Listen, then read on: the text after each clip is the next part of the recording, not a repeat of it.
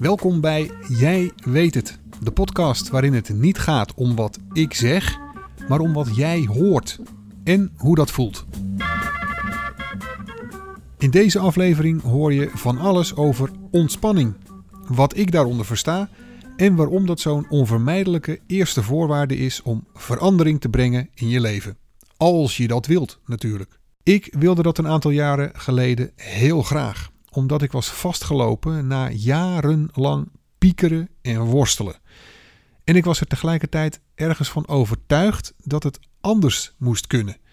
Dat er een prettiger en efficiëntere manier van leven moest zijn. En dat blijkt te kloppen. En ontspanning is een belangrijke voorwaarde voor deze ontdekking.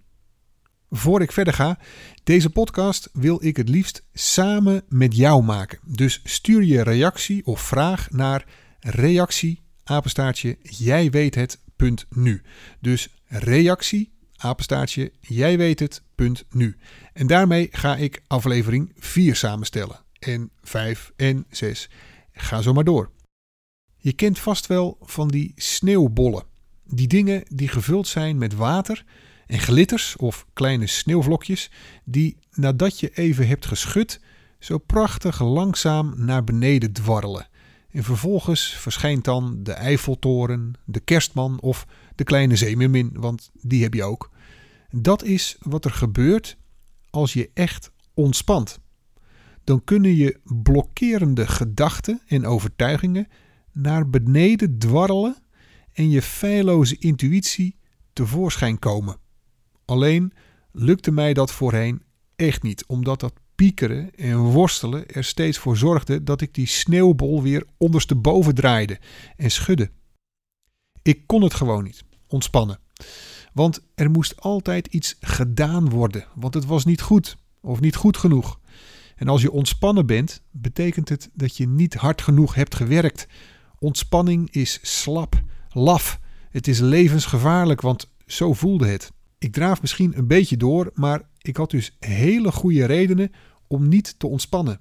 Bewuste redenen en onbewuste. Omdat ik dacht dat dat de bedoeling was. Omdat ik dacht dat het zo hoorde. En omdat ik het zo gewend was. En dat begint al heel vroeg. Als we opgroeien zijn we totaal afhankelijk van onze verzorgers. We kunnen helemaal niets. We zijn hulpeloos. Dus het is logisch dat we ons gedrag zo vormen dat we krijgen wat we nodig hebben: eten, drinken, maar vooral aandacht en liefde. Welk gedrag dat oplevert is natuurlijk voor iedereen anders. Maar voor iedereen geldt: je doet wat voor jou het beste werkt. Want dat zorgt ervoor dat je die eerste jaren overleeft. En de jaren daarna en de jaren daarna tot het niet meer werkt. Natuurlijk was ik niet altijd gestrest en tijdens een wandeling, een biertje op het terras, een filmpje en al dat soort dingen kon ik wel relaxen, maar dat is meer afleiding en ik doel op iets anders.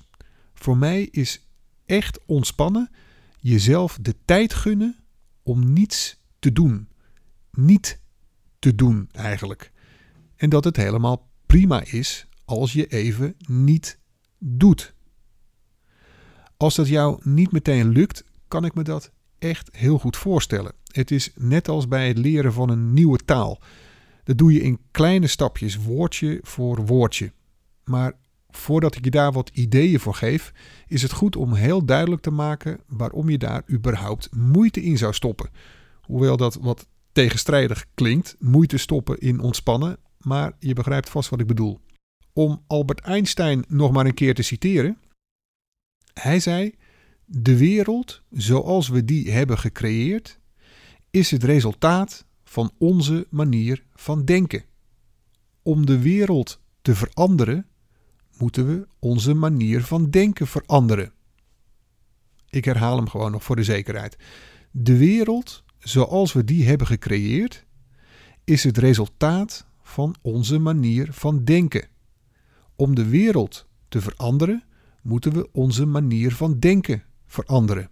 En aan deze stelling van Einstein zou ik het volgende toe willen voegen. Om onze manier van denken te veranderen, moeten we leren ontspannen. Als jij anders gaat denken, verandert je leven. Tegenwoordig noemen we dat mindset. Er zijn heel veel manieren om die te veranderen. En simpel gezegd, welke voor jou werkt, is de goede manier. Mijn ervaring is wel dat veel benaderingen gericht zijn op effect op de korte termijn. We willen namelijk snel resultaat zien en voelen. En daar is niks, maar dan ook helemaal niets op tegen. Ik deed in 2017 een ayahuasca-ceremonie.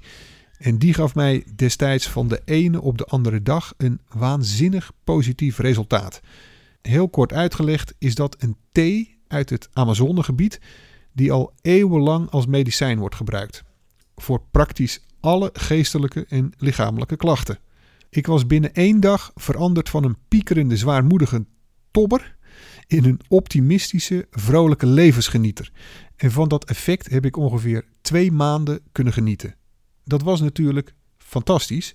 Ik kan niet anders zeggen. Maar na die twee maanden leverden mijn oude overtuigingen en gedrag weer dezelfde klachten op als daarvoor. Ik ben heel dankbaar voor die onbeschrijfelijke ervaring die me nog elke dag inspireert. Maar hij inspireert me vooral om mijn manier van denken te veranderen. Want dat is het enige dat een structureel resultaat geeft.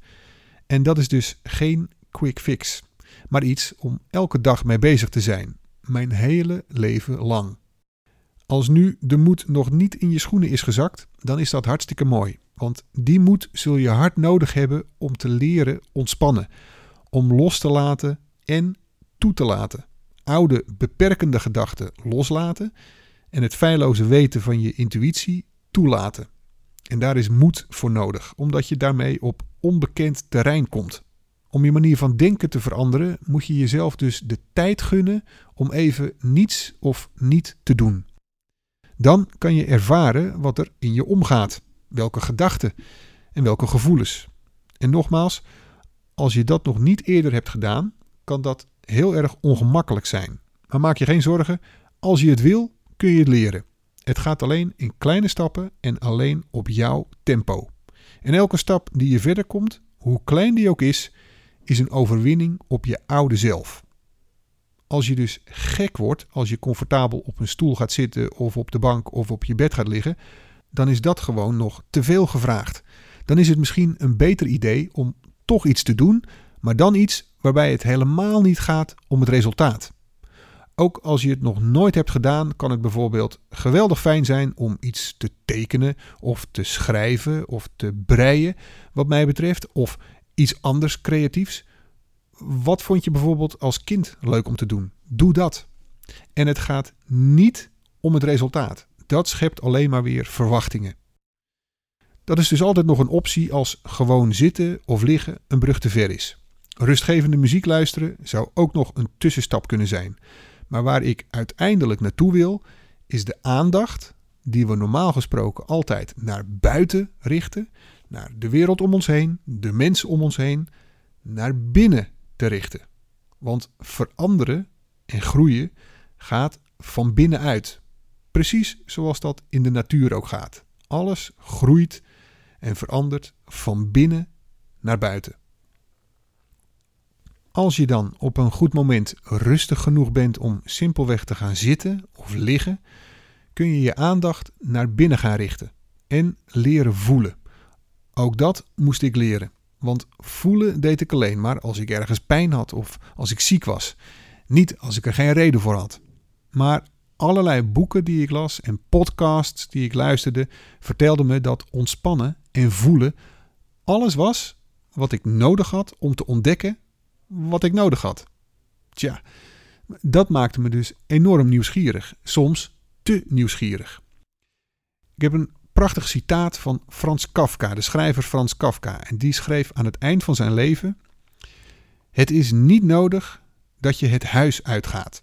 Blijf aan tafel zitten en luister. Luister zelfs niet, wacht slechts. Wacht zelfs niet, blijf volledig stil en alleen. De wereld zal zich aanbieden om te worden ontmaskerd. Ze kan niet anders. Zal voor je kronkelen in extase. Nou bedoel ik natuurlijk niet eh, dat je nooit je huis uit moet gaan. Daar gaat het niet om. Maar Kafka probeerde hiermee de eenvoud eigenlijk aan te geven van hoe weinig er voor nodig is. Dat je niet naar een speciale plek hoeft te gaan en dat er niet een specifieke methode uh, nodig is om, om dit te ervaren.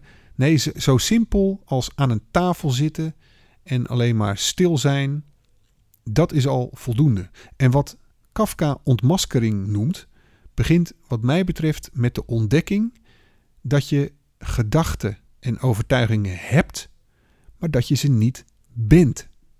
Wat je tot dat moment misschien wel altijd geloofd hebt. We zijn zo gewend aan gedachten die ons laten doen wat we doen, of laten geloven wat we geloven, dat het in het begin bijna niet voor te stellen is dat je ze ook gewoon kunt laten voor wat ze zijn. Gedachten. Verder niks. Probeer het eens als iets je dwars zit. Het maakt niet uit wat het is. Neem dan even de tijd om dat alleen maar waar te nemen. Je doet als het ware een stap terug en je kijkt naar de ervaring dat iets je dwars zit. Dat dat kan, dat je een stap terug kunt doen en als het ware naar die ervaring kan kijken, laat zien dat je die frustratie niet bent, maar je bent de waarnemer daarvan. En de kans is groot dat je na een paar minuten al merkt dat dat gevoel, dat gefrustreerde gevoel, afneemt. En dat die uiteindelijk zelfs kan verdwijnen. Zo gaat het eigenlijk met alle gedachten. Maar we zijn gewend om ze te geloven, om op ze te reageren met alle gevolgen van dien. Als je kunt ervaren dat je gedachten kunt waarnemen, heb je tegelijkertijd de mogelijkheid om te kiezen wat je ermee doet. Laat je je erdoor afleiden, geloof je ze of laat je ze gewoon voor wat ze zijn. Gedachten die komen en gaan. Ze krijgen pas gewicht als we ze serieus nemen. En zo kun je ook bij je overtuigingen komen. Dat zijn gedachten die je jarenlang heel vaak hebt gehad en die je bent gaan geloven. Dat maakt ze nog niet waar. Het maakt ze alleen hardnekkig.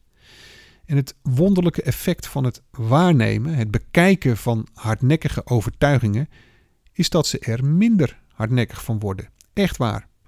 Eerst minder hardnekkig en uiteindelijk laten ze los. Want dan heb je hem niet meer nodig. Als je dit één keer ervaart, gaat er een nieuwe wereld voor je open. En dat betekent namelijk dat dit ook met alle andere overtuigingen kan gebeuren. En dat kan ook flinke weerstand oproepen. En dat is weerstand van je ego.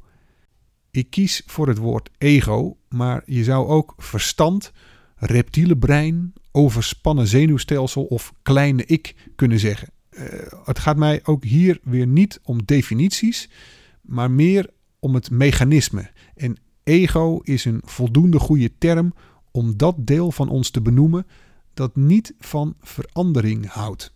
Want verandering betekent onbekend terrein en dat betekent gevaar. En voor je, voor je het weet, ben je dood. Dat klinkt misschien weer een beetje overdreven, maar het is echt de manier waarop onze hersenen doorgaans werken. Waarmee ik niet wil zeggen dat het ego een dwarsligger is.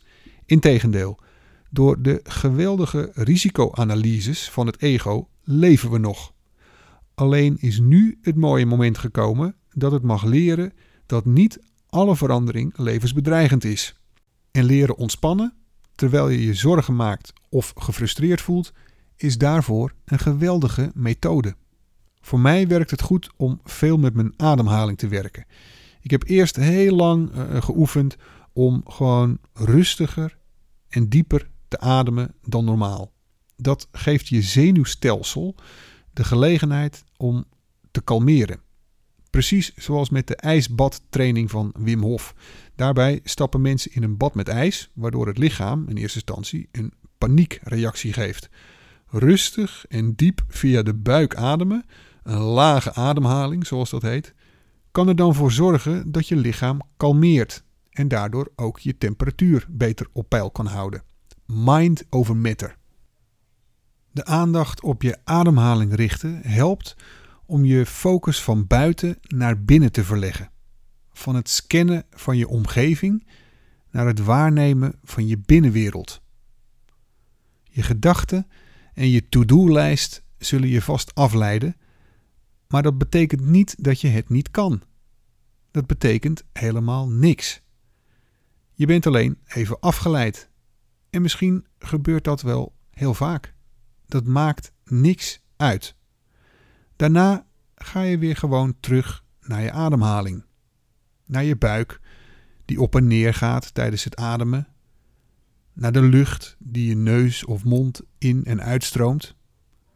Het is een verbluffend simpele en doeltreffende manier om te ervaren wat er in ons omgaat. De oordelen en de vragen. Dit zou ik moeten kunnen. Is dit alles? Ik voel niks. Hoe kan dat nou? Dus dit moet mij een bijzonder gevoel geven. Zou ik het zo goed doen? Vertrouw erop dat alles wat je ervaart precies goed is.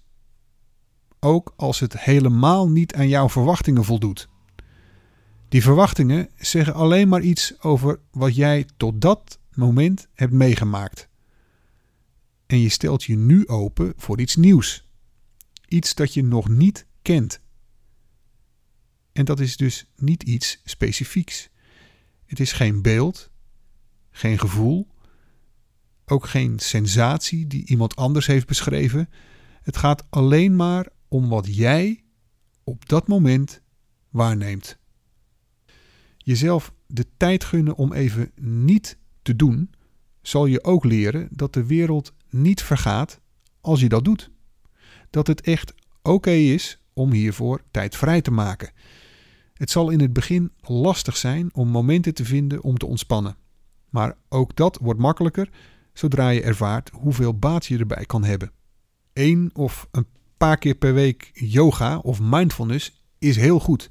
Maar als het niet leidt tot een dagelijkse routine, zal er structureel niet veel veranderen.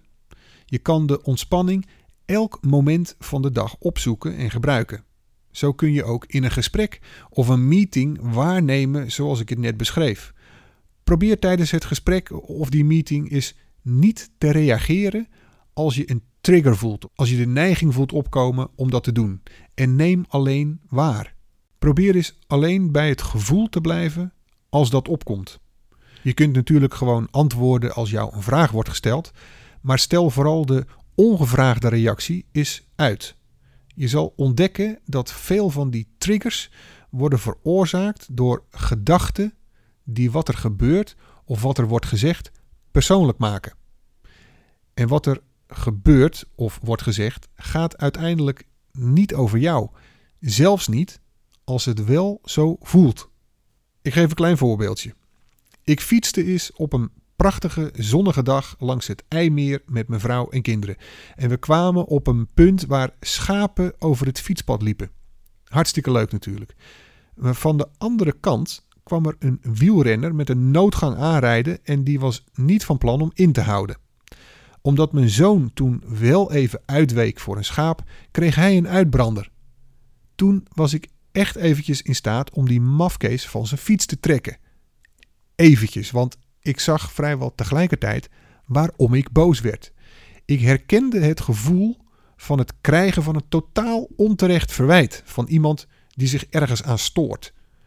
Dit ging duidelijk niet over mij. Maar dat was natuurlijk wel gebeurd als ik die maloot van zijn fiets had getrokken. Nu moest ik vooral lachen en kon het gedrag van de wielrenner mooi gebruiken als voorbeeld van projectie. Hoe hij zijn frustratie projecteerde op iemand anders. Zoals in de vorige aflevering te horen was, wordt ons gedrag en worden onze keuzes vrijwel compleet bepaald door onbewuste overtuigingen. Stel dat jij gelooft dat mensen niet te vertrouwen zijn, dan zul je altijd op je hoede zijn en niet al te veel van jezelf laten zien. En als je gelooft dat je niet belangrijk bent, zul jij je wensen niet uitspreken of je grenzen niet aangeven. Als je gelooft dat veranderen levensgevaarlijk is, zul je vasthouden aan wat je hebt en niet luisteren naar nieuwe ideeën. Maar als onze keuzes ervoor zorgen dat we vastlopen, of dat we ons in ieder geval niet goed voelen, en we willen daar verandering in brengen, moeten we dus wel eerst weten wat hiervan de oorzaak is. Diep ontspannen, dus de sneeuwvlokjes laten neerdwarrelen door alleen maar waar te nemen, kan je bewust maken van je beperkende gedachten. En je kunt ze er ook door laten loslaten. Maar let op, dit is meer een bijverschijnsel dan een doel om na te streven. Zoals Kafka ook zegt, wacht zelfs niet. Blijf volledig stil en alleen. Elke poging om iets concreets te ontdekken mislukt. Want met die poging draai je de sneeuwbol weer ondersteboven en zie je weer niks door de sneeuw. Het gaat er alleen maar om toe te laten wat er verschijnt, wat het ook is. Wees de waarnemer. Laat je er niet door meeslepen. En dat is gewoon niet makkelijk, maar wel enorm de moeite waard. Als deze aflevering reacties oproept, en daar ga ik eigenlijk wel van uit, mail je die naar reactie apenstaartje jij weet het punt nu. Dus reactie apenstaartje jij weet het punt nu. Met die reacties wil ik aflevering 4 maken en zo een podcast maken waarin jij veel ruimte krijgt. De volgende keer geef ik nog een duidelijke titelverklaring, want wat bedoel ik nou precies met de woorden jij weet het? Bedankt voor het luisteren en als afsluiting laat Queen nog even horen hoe het innerlijke gevecht kan klinken als je wil ontspannen en loslaten.